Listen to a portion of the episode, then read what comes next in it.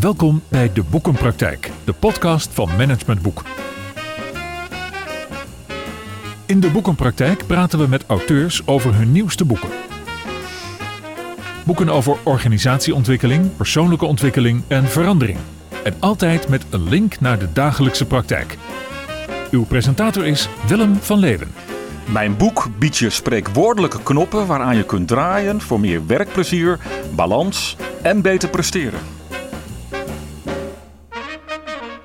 Al dus auteur Matthijs Steneveld in het voorwoord van zijn recente boek Autonomie, Verbondenheid, Competentie, Purpose, met als subtitel Leiding geven aan mensen met de kennis van nu.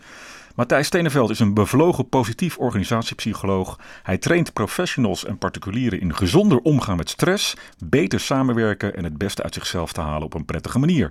Zo lezen wij op de achterflap van dit nieuwe boek. En Matthijs is vandaag dus mijn gast in deze aflevering van de Boekenpraktijk. Welkom Matthijs. Dank je Willem. Leuk dat je er bent. Waarin onderscheidt een positief organisatiepsycholoog zich van een gewone, tussen aanhalingstekens, organisatiepsycholoog? Ja, nee, kijk, er zit altijd een nuance. Hè? Dus om nou te een soort blij ei. compleet anders eh, ben. Nou, ik ben geen blij ei, of tenminste niet alleen maar. En dat is niet verplicht. Nee, waar het vooral om gaat is dat positieve stuk eraan gaat eigenlijk om twee dingen. Enerzijds aandacht voor waar we meer van willen. Hè? Dus je kunt als organisatiepsycholoog je natuurlijk richten op problemen wat er mis is. Nou, dat is belangrijk en waardevol. Mhm. En dan kun je vol induiken, analyseren. Ja. Maar het is vaak ook heel krachtig om juist te kijken van... oké, maar wat willen we dan in plaats daarvan? Wat willen we meer? Wat willen we opbouwen? Ja. En dan hè, termen die op dit moment heel hip zijn in dat vlak. eh, werkgeluk bijvoorbeeld. Hè? Dat gaat over, heb je nog plezier in werk? Heb je naar je zin? Nou, dat is echt wel een onderwerp voor positieve organisatiepsychologen. Ja. En ook wel een beetje, en dat hangt ermee samen, de aanpak. Hè? Dat je dus niet alleen maar die probleemanalyse doet, niet alleen maar die focus op probleem, maar ook niet alleen maar de, de, de, de, ja, de kritische onderzoeken, kijken wat er nou weer mis is gegaan. Want wat je dan eigenlijk doet, als je ermee bezig bent, Mhm.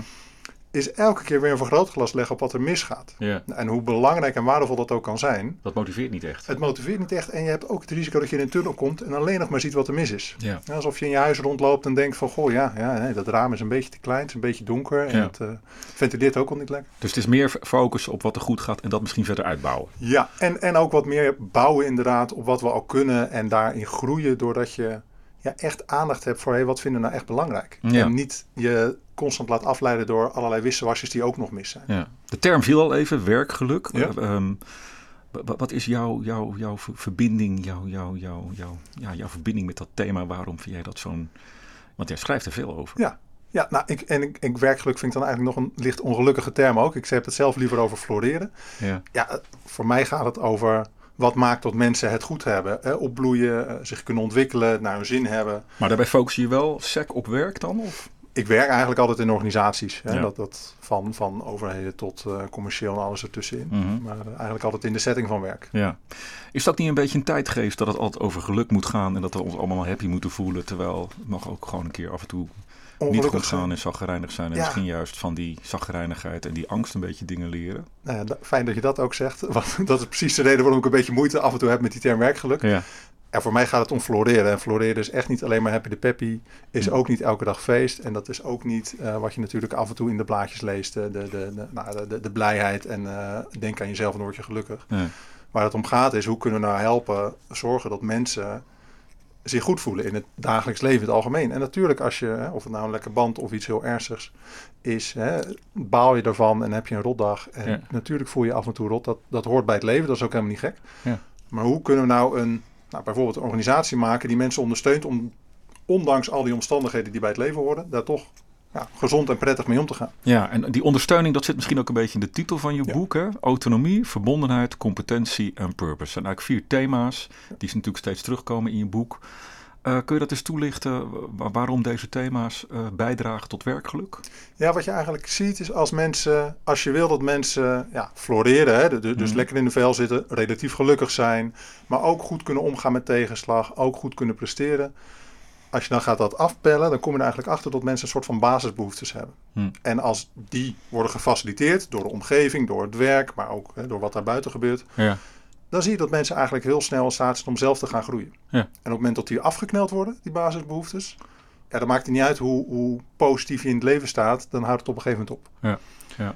Dus op het moment dat je mensen helpt om naar autonomie te krijgen, om, om zelf keuzes te kunnen maken en zich er echt vrij in te voelen, op het moment dat je eh, de omstandigheden creëert dat mensen zich verbonden kunnen voelen met elkaar, dat ze het gevoel hebben dat ze ertoe doen voor een ander.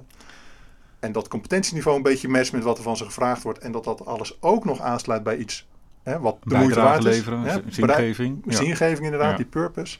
Ja, dan, dan bloeien mensen eigenlijk nou bijna als vanzelf op. Ja, en autonomie en verbondenheid, hè, dat Ja. zijn eigenlijk natuurlijk wel twee, eh, twee nou, het lijken twee tegenpolen. Er moet een soort balans tussen zitten. Aan de ene kant denk ik, moet ik, moet ik, moet ik eh, zelfstandig dingen kunnen doen en niet steeds iemand over mijn schouder meekijken. En aan de andere kant vind ik het ook leuk om, om met samen, eh, met, samen met mensen de dingen te doen en samen te werken, toch? Ja, nou ja, de grap is, het, het, het lijken tegenpolen inderdaad, hè, want, want alleen of samen. Maar het is juist, het een kan niet zonder het ander. Nee. Want denken we dus aan relaties, kun je een daadwerkelijk een gezonde relatie hebben zonder autonomie. Een soort vrijheid in verbinding of zo. Ja, hè, kun, kun je, eh, eh, of het nou je partner is of eh, je collega, als je er niet voor kiest om met diegene iets samen te doen, Mhm. Dan is het een verplichte relatie. Ja, dan zul je weinig verbondenheid ervaren. Ja, misschien een beetje een grote vraag, maar hoe is dit algemeen gesteld met deze thema's in organisatieland? Ja, ja dat, kijk, het is natuurlijk erg per, per, niet alleen per organisatie, maar zelfs per team. Maar ik denk dat over het algemeen het allemaal ook niet zo heel slecht gesteld is. Volgens mij hebben we het in Hm. Nederland, is de algemene tendens echt, is er eentje van zeker goede bedoelingen. Ja. Eh, en ik denk waar je ziet dat het soms spaak loopt, waar, waar het soms wringt, is, zit er veel meer in hè, momenten van een team wat gewoon niet lekker loopt, waar geen verbondenheid is. Of eh, nou, wat je de afgelopen jaren natuurlijk met corona, nu weer met, met de inflatie en alles ziet. Een manager die moet sturen op cijfers en daardoor ja, eigenlijk grijpt naar de snelste oplossing voor zijn gevoel, of haar gevoel. Ja. Eh, en daardoor autonomie afneemt. Ja. Hè, dus, dus het raakt makkelijk in de knel, maar ik denk over het algemeen hebben we het niet zo slecht. Oké. We gaan eh, ook in dit gesprek een aantal stellingen met elkaar Ja. bespreken. Zullen we eens met de eerste beginnen? Ik ben benieuwd. De eerste stelling luidt als volgt. De enorme toename van het aantal burn-outs bij veel werkende mensen is vooral een gevolg van slecht werkgeverschap. Als ik ja of nee moet antwoorden, dan zou ik antwoorden ja. Vertel. Is Ja. de werkgever verantwoordelijk voor ons werkgeluk? Nou, niet in zijn eentje. Ehm, ik denk, waarom ik in eerste instantie ja zeg, burn-out wordt snel afgedaan als een individueel ding. Maar wat je ziet bij, bij burn-out en, allerlei varianten van, van uitval vanwege eh, eh, eh, gewoon overbelast zijn, is dat eigenlijk de balans tussen wat er van een werknemer gevraagd wordt en wat die aan steun krijgt, tot die eigenlijk scheef is. Mhm. En dat kan best eventjes, dat is helemaal geen punt. Maar als een werknemer te lang te weinig steun krijgt, te weinig middelen krijgt, te weinig opleiding krijgt, te weinig begeleiding vanuit een leidinggevende, vanuit collega's, et cetera. En die, die belasting, hè, die werkbelasting blijft, ja, dan houdt het op een gegeven moment op. En Ja. dan Maar we- tegelijkertijd zeg jij, het gaat best wel goed in organisatieland als het gaat om het werkgeluk. En als ik zo eens even omheen kijk, zie ik ook dat mensen veel mogelijkheden krijgen om zich te ontwikkelen in termen van training en coaching. En tegelijkertijd neemt het aantal burn-outs ook toe. Waar, waar zit hem dat dan in? Ja, nou ja, dat is een goede vraag. Als ik het antwoord zou hebben, dan eh, zou ik het meteen geven. Ik denk, er is niet één antwoord op. Ik denk, denk een stukje is. ehm, er speelt natuurlijk meer dan alleen het werk. En, en ik denk dat het heel goed is dat een werkgever bijvoorbeeld opleidingsmogelijkheden biedt. Maar ja, we hebben de afgelopen twee jaar vanwege corona hebben veel mensen die verbondenheid ook gemist. Ja. En er zijn natuurlijk ook zat mensen die het gevoel hebben dat ze, eh, hè, wat- waar een aantal jaren geleden een boek over is geschreven, eh, een bullshit job hebben. Mhm. Ja, dan voelt dat purpose vrij laag. Ja. En er zijn natuurlijk ook zat organisaties waarbij die werkdruk eigenlijk te chronisch hoog is. Ja. En dan hè, is het over de brede linie wel goed. Ja. Maar er zijn echt wel situaties in teams waar er gewoon gerommel is. Ja. Maar deze stelling veronderstelt natuurlijk ook een beetje dat er voor je gezorgd moet worden, als ik het zwart-wit zeg. En dan is mijn vraag wel, hoe, re- hoe realiseer ik het ook bij mijzelf? Hè? Ja. Hoe realiseer ik bij mijzelf die autonomie, die verbondenheid, die competentie en purpose? Ik blijf toch niet in een bullshit job zitten, Ja. om even een voorbeeld te noemen. Nee, zeker. zeker hè. Dus hè, ik zeg grotendeels ja op de stelling, want ik denk dat werkgevers daar echt een belangrijke stap in kunnen zetten. En tegelijkertijd ja, het individu ook. Ja. Maar geluk en, en floreren is niet een individuele bezigheid. Het is niet, hè, ga maar op je yogamatje zitten en dan word je gelukkig. Mhm. Eh, sterker nog, er zijn mensen die juist zoveel bezig zijn met voor zichzelf zorgen dat ze vergeten rond te kijken op hun werk en zien dat het eigenlijk uit de hand loopt. ja. Dat neemt niet weg dat het natuurlijk, ja, uiteindelijk als je een kans geboden krijgt van je werk, moet je er ook wat mee doen. Hè? Dus als individu moet je er ook wat mee. En, hoe kan je dat doen? Hoe kan je bij jezelf ook meer eh, daarvoor zorgen? Behalve Nou, dat yogamatje? Ja, nou, het yogamatje, even, het is makkelijk altijd om grappen over te Mhm. maken, maar ik denk het yogamatje kan zeker ook helpen. Ja. Ehm, wat denk ik ook goed helpt, is om gewoon af en toe eens na te denken van hey, hoe zit het nou eigenlijk? Ervaar ik genoeg autonomie? Zo niet, ja, vraag het ook eens aan je baas of aan je teamleider. Eh, ervaar je verbondenheid? Kun je dat misschien anders gaan organiseren? Ja. Als iedereen, hè, wat je nu veel ziet, hybride werken, zie je collega's nog, kun je af en toe nog samenwerken. En zo'n typische valkuil dan met verbondenheid is dat we denken, oh, we moeten dan wat meer leuke dingen doen. Mhm. Hè, dus we gaan nog eens een keertje barbecuen, borrelen, noem maar op. Maar bij verbondenheid op het werk gaat het veel meer over echt om samen ook aan het werk te zijn. Ja. Om dus iets voor een ander te doen. Help je collega eens met iets waar hij tegenaan loopt. Eh, laat je eens helpen, vraag eens om hulp. Hmm. En dat kun je natuurlijk ook heel goed als, als individu, als medewerker gewoon beginnen. Hè? Ja. Gewoon vraag om hulp, bied hulp aan. Ja. Jij noemt dat ook waarderend en, en steunend, ondersteunend zijn voor Ja. anderen, toch? Ja. ja. Nou, daar gaat de tweede stelling over. En die luidt als volgt. Het is een utopie om te veronderstellen dat mensen continu ondersteunend en waarderend voor anderen kunnen zijn. Ja, dat, eh, ik, ik zou het wel willen, maar ik denk niet dat het gezond is. Nee, nee. Ehm, Maar wat daar natuurlijk onder zit is, dus daar ben je het mee eens, wat eronder zit is dat, dat ehm, in, in de kern zijn wij toch allemaal een beetje egootjes die vooral opereren, ook in organisaties vanuit onze eigen belangen. nou, dat is dus de grap. Eh, ja, dat zit in alle mensen. Maar Ja. dat samenwerken zit dus ook in alle mensen. Ja. En daarvoor vind ik die vier, hè, die, die van die titel, autonomie, verbondenheid, competentie en purpose, die vind ik elke keer zo belangrijk. Op het moment dat dat in de basis goed staat, dan zie je dat mensen, grootste deel van de tijd en de meeste mensen, dan eigenlijk samenwerkend en behulpzaam willen zijn. Ja. Dus op het moment dat je die basis weet neer te zetten, dan komt die samenwerking Ja. wel.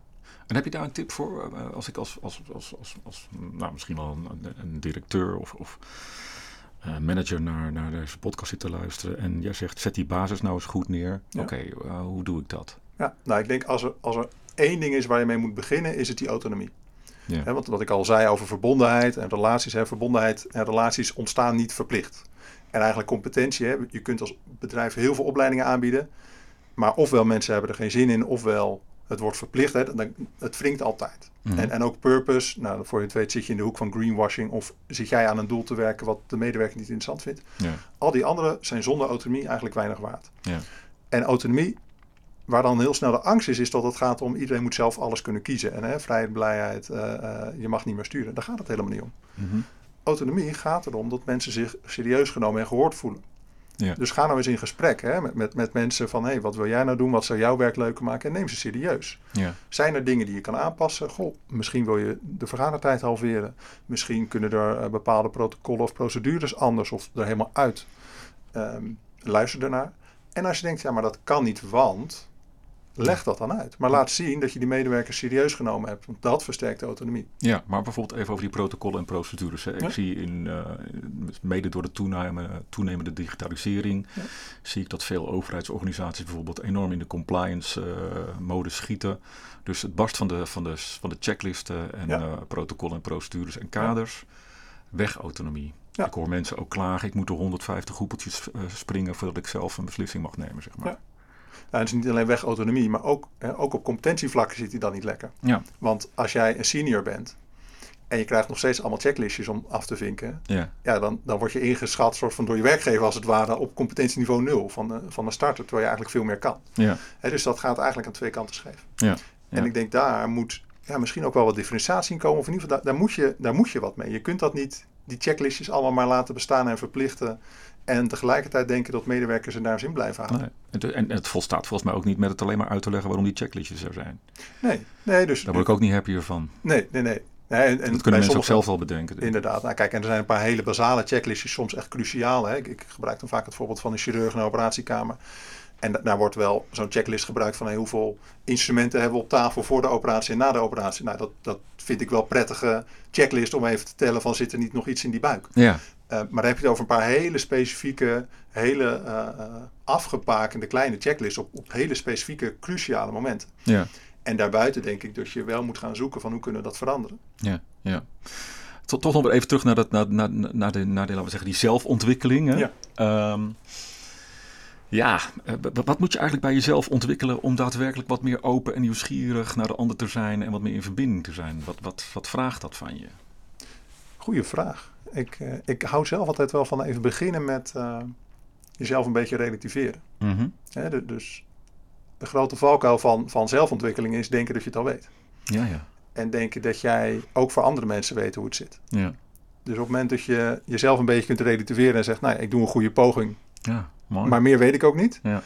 en dan nieuwsgierig naar die ander toestapt, Ja. da- dan kun je daadwerkelijk dingen van die ander gaan leren. Hè? Kun je daadwerkelijk met nieuwsgierigheid luisteren van, oh, doe jij dat zo? Ja. Had ik nooit over nagedacht. Wat handig eigenlijk. Of Ja.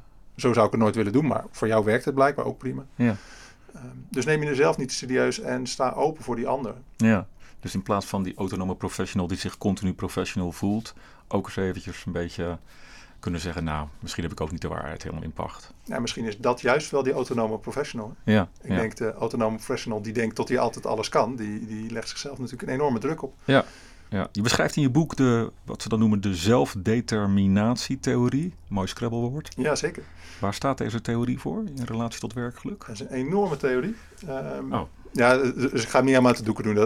Er zijn boekwerken van 500, 600 bladzijden over geschreven en die zijn nog steeds geconcentreerd qua, qua materie. Maar in de basis gaat het eigenlijk over wat maakt, wat doet mensen bewegen eigenlijk. Hè? Motivatie is een belangrijk thema. Ja, En eh, wat daar belangrijk in is in relatie tot werkgeluk is, eh, nou, er zijn een aantal dingen die ze zeggen. Eén is die basisbehoeftes, die zijn cruciaal. Mensen Ja. hebben niet alleen eh, drinken, eten en zuurstof nodig. Mensen hebben psychologische basisbehoeftes. Ja. Op het moment dat die ondersteund worden, dan bloeien mensen op. Mhm. Op het moment dat die gedwarsboomd worden, dan ontstaat er allerlei gedoe. ja. Ja, dus op het moment dat jouw autonomie elke keer wordt afgepakt, of het nou vroeger in je jeugd was of op je werk, eh, ja, dat, dat, dat ettert door. ja. En dan, daar worden mensen defensief van of daar worden mensen vermijdend van. Ja. Dat is een belangrijk onderdeel.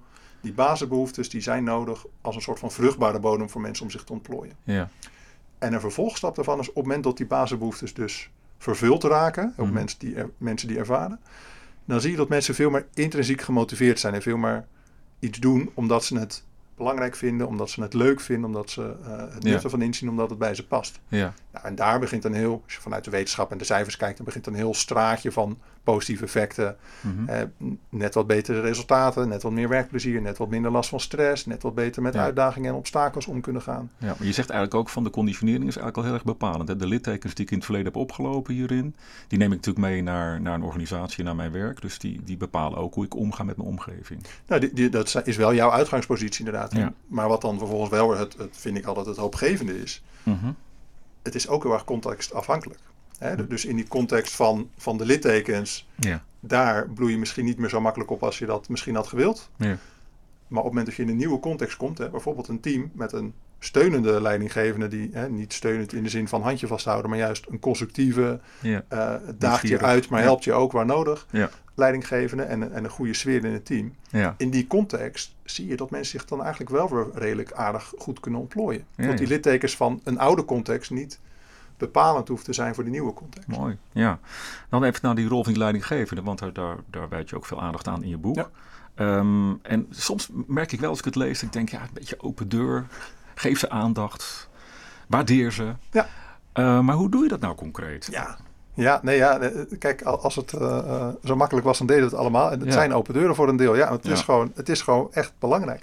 Hoe doe je dat? Ja, Ehm, ik denk, ja, heel veel manieren. Maar ik denk, één is, maak er gewoon tijd voor. ja, En, en vraag het aan mensen. Hè, waar de ene medewerker het heel fijn vindt dat je af en toe even binnenkomt vallen en gewoon even nonchalant vraagt: hey, hoe is het ermee? Vindt de ander het prettiger om af en toe even een afspraak te hebben en even een half uurtje er gericht aandacht voor te krijgen? Ehm, waar de ene eh, heel veel autonomie wil en, en eigenlijk laat mij maar zwemmen, dat, daar doe ik het goed op. Wil de ander juist wat meer horen, Ja. gaat dit wel de goede kant op? Dus ja, ja. echt in contact zijn met je medewerkers. Ja, dat begint gewoon met er tijd voor maken. En dus En- vragen aan de ander van, hey, wat heb je nodig eigenlijk Ja, in, dat, in dat contact maken? En daar dus ook weer dat, dat onwetende. Hè? En, en ik denk dat tijd ervoor maken klinkt zo makkelijk. Maar wat we dan snel doen is tijd maken voor die gesprekjes. Mhm. Hè? Dus ik blok nu een uurtje in mijn agenda om bij drie medewerkers binnen te lopen. Mhm. Maar misschien wel net zo belangrijk is dat je tijd maakt voor jezelf om eens na te denken, hé, wat willen ze nou? Ja, En dan niet zelf bedenken voor hen, maar meer als je die gesprekjes hebt gehad, plan dan ook nog een half uurtje om dat even te verwerken. En te denken, goh, kunnen daar dan dingen anders?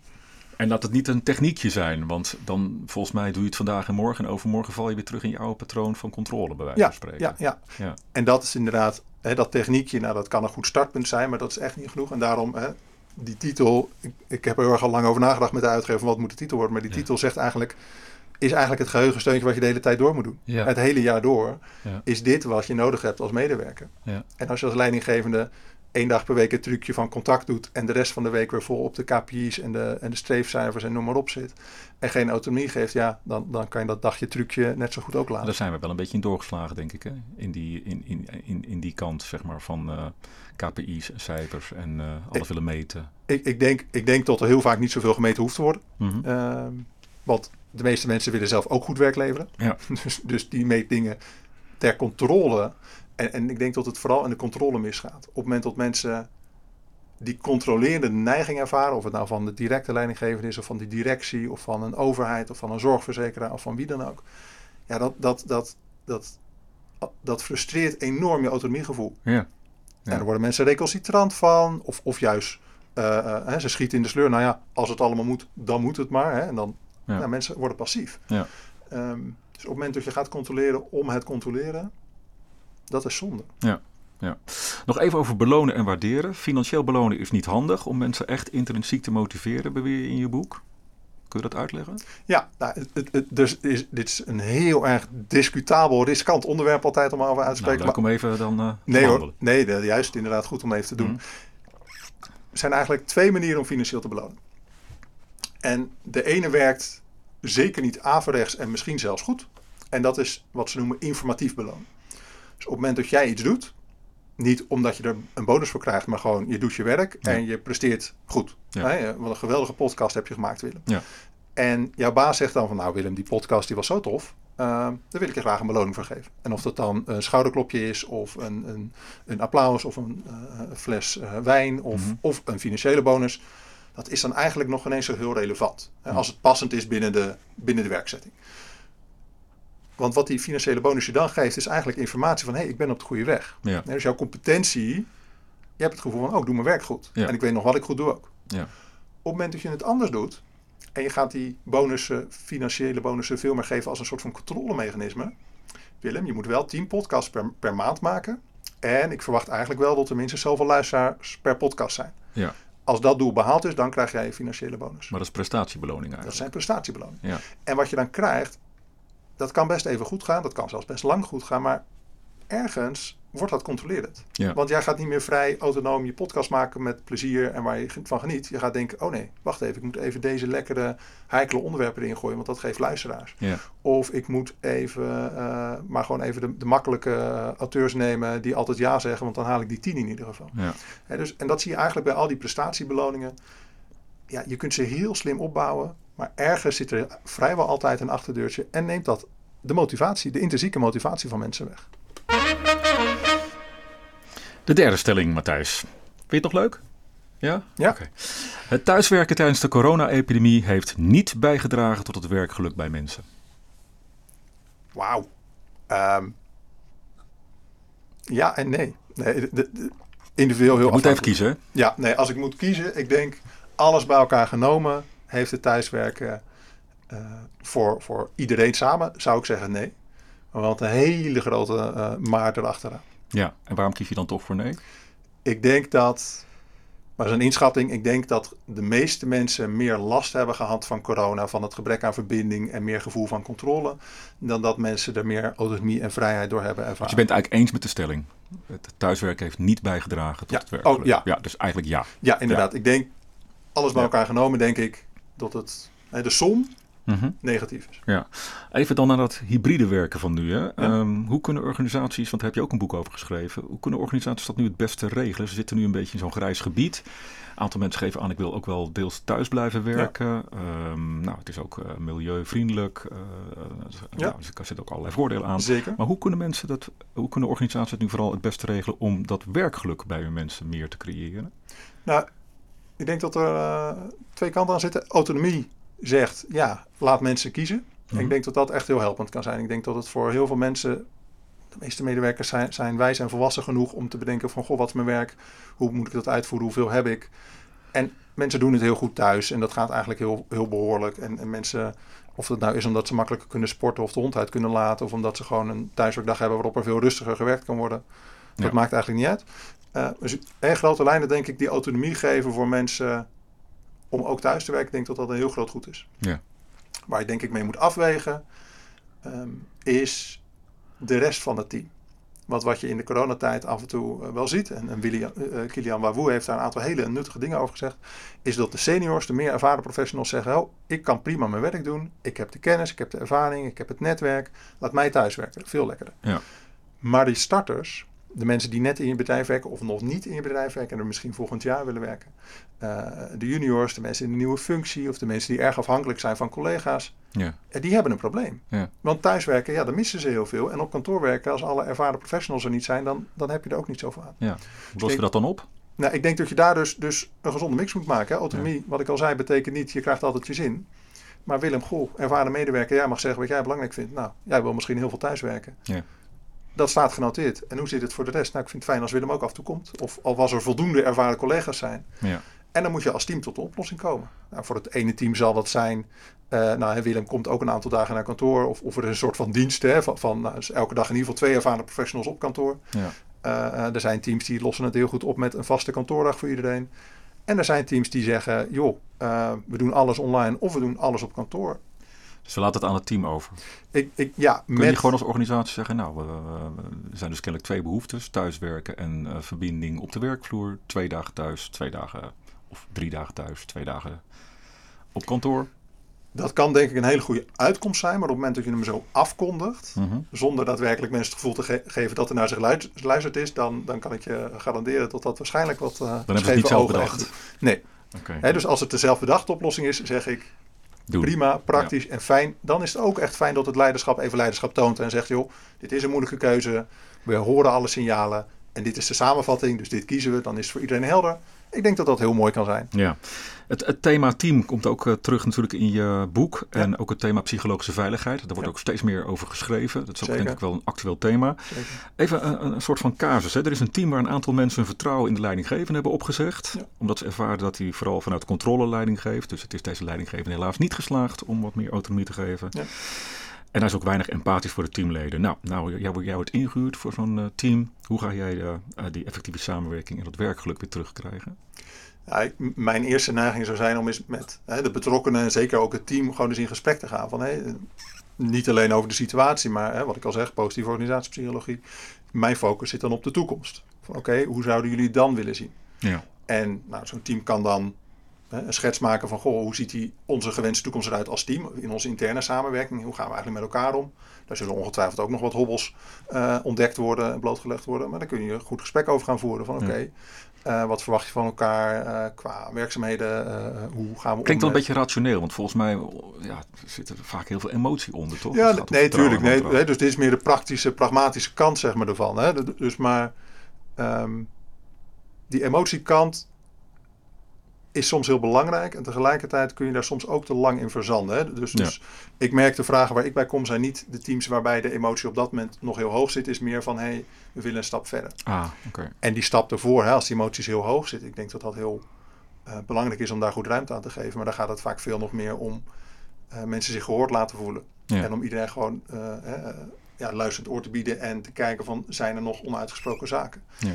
En heb je het echt over een ander soort uh, teamcoaching of, of, ook individuele coaching soms om mensen daarin te ondersteunen. Ja. Um, en waar ik me vaak veel meer op richt is van oké, okay, hoe, hoe nu verder? Hè? Wat willen we dan wel? En dan denk ik, ja, laten we eens gaan kijken van hoe willen wij nou samenwerken als team? Ja. En ook wat verwachten we daarin van een leidinggevende? En, en uh, um, dus dat klinkt heel erg van wat, wat willen we met elkaar? Dat Ja. klinkt ook weer een beetje vanuit die positieve psychologie. Maar Ja. moet dan niet eerst het gedoe nog even op tafel? Toch, toch die shit, zeg maar, van wa- wat maakt dat we zo... Ja, ja dat, dat, is, dat is heel erg mensen eigen dat alles shit eerst op tafel moet. Mhm. En ehm, dat hoeft niet altijd. Som, soms is dat helpend. Som, hè, ik, ik denk waar het vooral om gaat is, hebben mensen het gevoel gehad dat ze gehoord zijn. Ja. Hè? En, en als dat dan niet zo is, dan mag er zeker meer shit op tafel komen. Hè? Dus het is niet, shit mag niet op tafel, alsjeblieft Mhm. hou het weg. Ehm, maar wat je ook vaak ziet is dat op het moment dat de shit op tafel komt, dat het dan ook gewoon steeds meer wordt. Ja. Hè, van, ja, maar weet je nog wat jij vorig jaar? Oké, dus we gaan En- het eigenlijk uitvergroten met voorbeelden en dat, eh, dat kan situaties. soms. Ja, en soms ontstaat er juist meer gedoe door dat nog verder uit te vergroten. Dus ik Ja. denk dat het een. Hè, soms is het echt heel nuttig. En, en er zijn genoeg teamcoaches die daar echt heel goed werk in doen, die dat goed weten te doen. Maar ik denk dat het een valkuil is als, als enthousiaste teamleider of, of, of, of betrokken leek of, of willekeurig teamlid om te denken: we kunnen pas verder als al het gedoe is uitgesproken. Hmm. En wat je ziet, op het moment dat je juist gaat praten over wat willen we dan wel, dan komen heel veel van die gedoe dingen komen ook op tafel. Ja. Weet je nog toen, dat liep niet. Nee. En dat is prima, weet je, dat mag ook genoemd worden van oké, Ja. en wat zou dan wel een fijne manier zijn? Ja. En dan kun je een constructief gesprek erover Ja. voeren. En natuurlijk, Dus wel even op tafel, maar wel zo snel mogelijk eigenlijk naar de toekomst kijken. Hoe kunnen we het op een andere manier doen? ja, en zo snel mogelijk vind ik dan nog weer eh, afkappend, maar, Ja. maar meer van hè, met het oog op we willen een goed team voor de toekomst bouwen, kunnen we natuurlijk praten over wat er mis is. Ja, ja. Maar op het moment dat het alleen nog maar modder gooien wordt, ja, dan dat- zitten we echt in iets anders te doen. Ja, dat denk ik ook. Ja. Dat verergert alleen maar de situatie. Ja. Eén ding viel mij nog wel op in jouw boek eh, als het gaat over psychologische veiligheid. Jij geeft een tip eh, om die psychologische veiligheid te vergroten. En dat is denk ik een tip voor leidinggevenden. Dan zeg je namelijk, spreek mensen aan op het creëren van onveiligheid. Ja. Dat eh, lijkt mij ook een manier dat het misschien nog wel onveiliger gaat worden.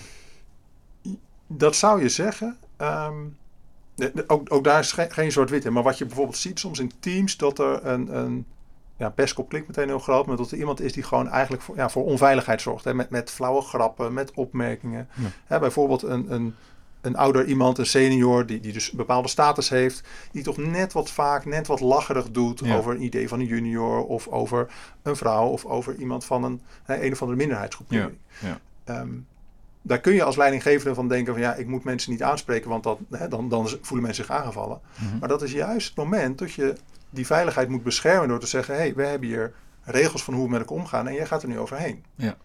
Ja. En eh, hoe je dat aanspreekt is het tweede. Hè. Moet je dat eh, plenair in de groep doen? Nou, dat zou- zou niet mijn eerste keus zijn, maar tegelijkertijd, als je niet laat merken aan het hele team dat er ook iemand is die de groep beschermt en de veiligheid beschermt, dan ontstaat er heel veel onveiligheid. Dan weten mensen namelijk nooit of er een grapje over hun idee gemaakt gaat worden. Ja, dan gaan mensen geen vragen meer stellen, geen kanttekening meer plaatsen. nee. Spreken ze zich niet meer uit. Nee. Even eh, uitzoomen naar de maatschappij. Ja. Volgens mij leven we in een maatschappij waarin we enorm aan het polariseren zijn met elkaar. Ehm, dus in plaats van verbinden zijn we misschien nog meer de tegenstelling met elkaar aan het opzoeken. Is de positieve psychologie daarin wel een, eh, een medicijn? Eh, nou, ik, ik denk, en, en- en niet zozeer dat dat door de positieve psychologie komt, maar ik denk dat eh, er zitten juist risico's in de positieve psychologie. En daar zijn de meeste mensen gelukkig bewust van. En het risico van de positieve psychologie is dat we wel heel erg gaan focussen op dat individuele geluk. Alsof geluk iets is wat je in je eentje kunt najagen, kunt, kunt nastreven. En dat dus ook dingen maar moeten kloppen voor jou, want dan word jij gelukkig. Ja, dat, dat kan erg polariserend werken. Want Ja. dan kom jij met je witmolen in mijn achtertuin of, of, of asielzoekerscentrum in mijn achtertuin. En dan dat raakt mijn geluk. Ja. Ehm, maar keer op keer zien we positieve psychologie, wat blijkt nou voor eigenlijk alle mensen belangrijk, is eh, andere mensen, is relaties, is het samen doen, is iets goeds kunnen doen, ook voor je medemens. Ja. En daar is denk ik juist nu behoefte aan. Dus die focus op verbinding. Ja, en die focus op, op naar elkaar willen luisteren. En, en natuurlijk heb ik zo mijn eigen ideeën over hoe de wereld eruit zou moeten zien. Ja.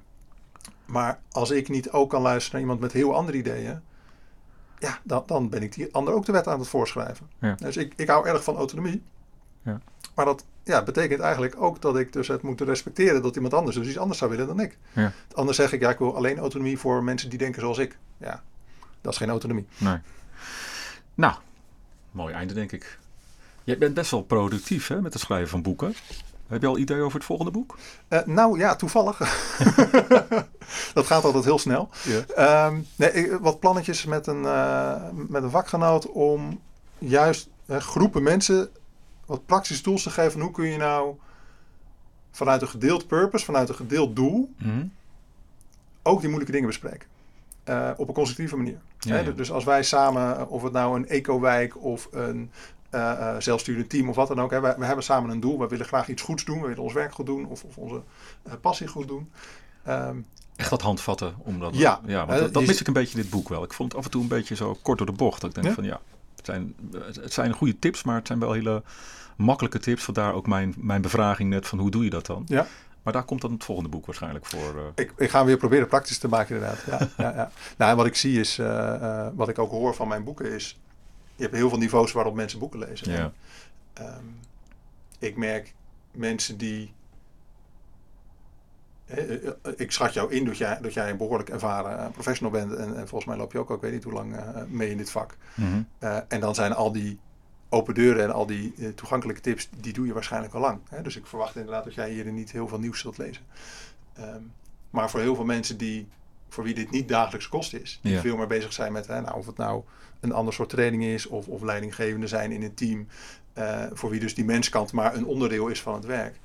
Ja, die, die, die hebben het echt wel soort van nodig om Ja. af en toe even opgefrist te worden van hey, ja, leuk dat het open deuren zijn, maar kun je ze even op een rijtje zetten en ook welke open deuren dus niet de bedoeling zijn. ja, ik vond ook met name de tip die je net gaf, eh, dat die professional zich eens af en toe een beetje mag, dat dit het allemaal een beetje mag relativeren. Dus ook wel die oproep tot wat meer zelfreflectie.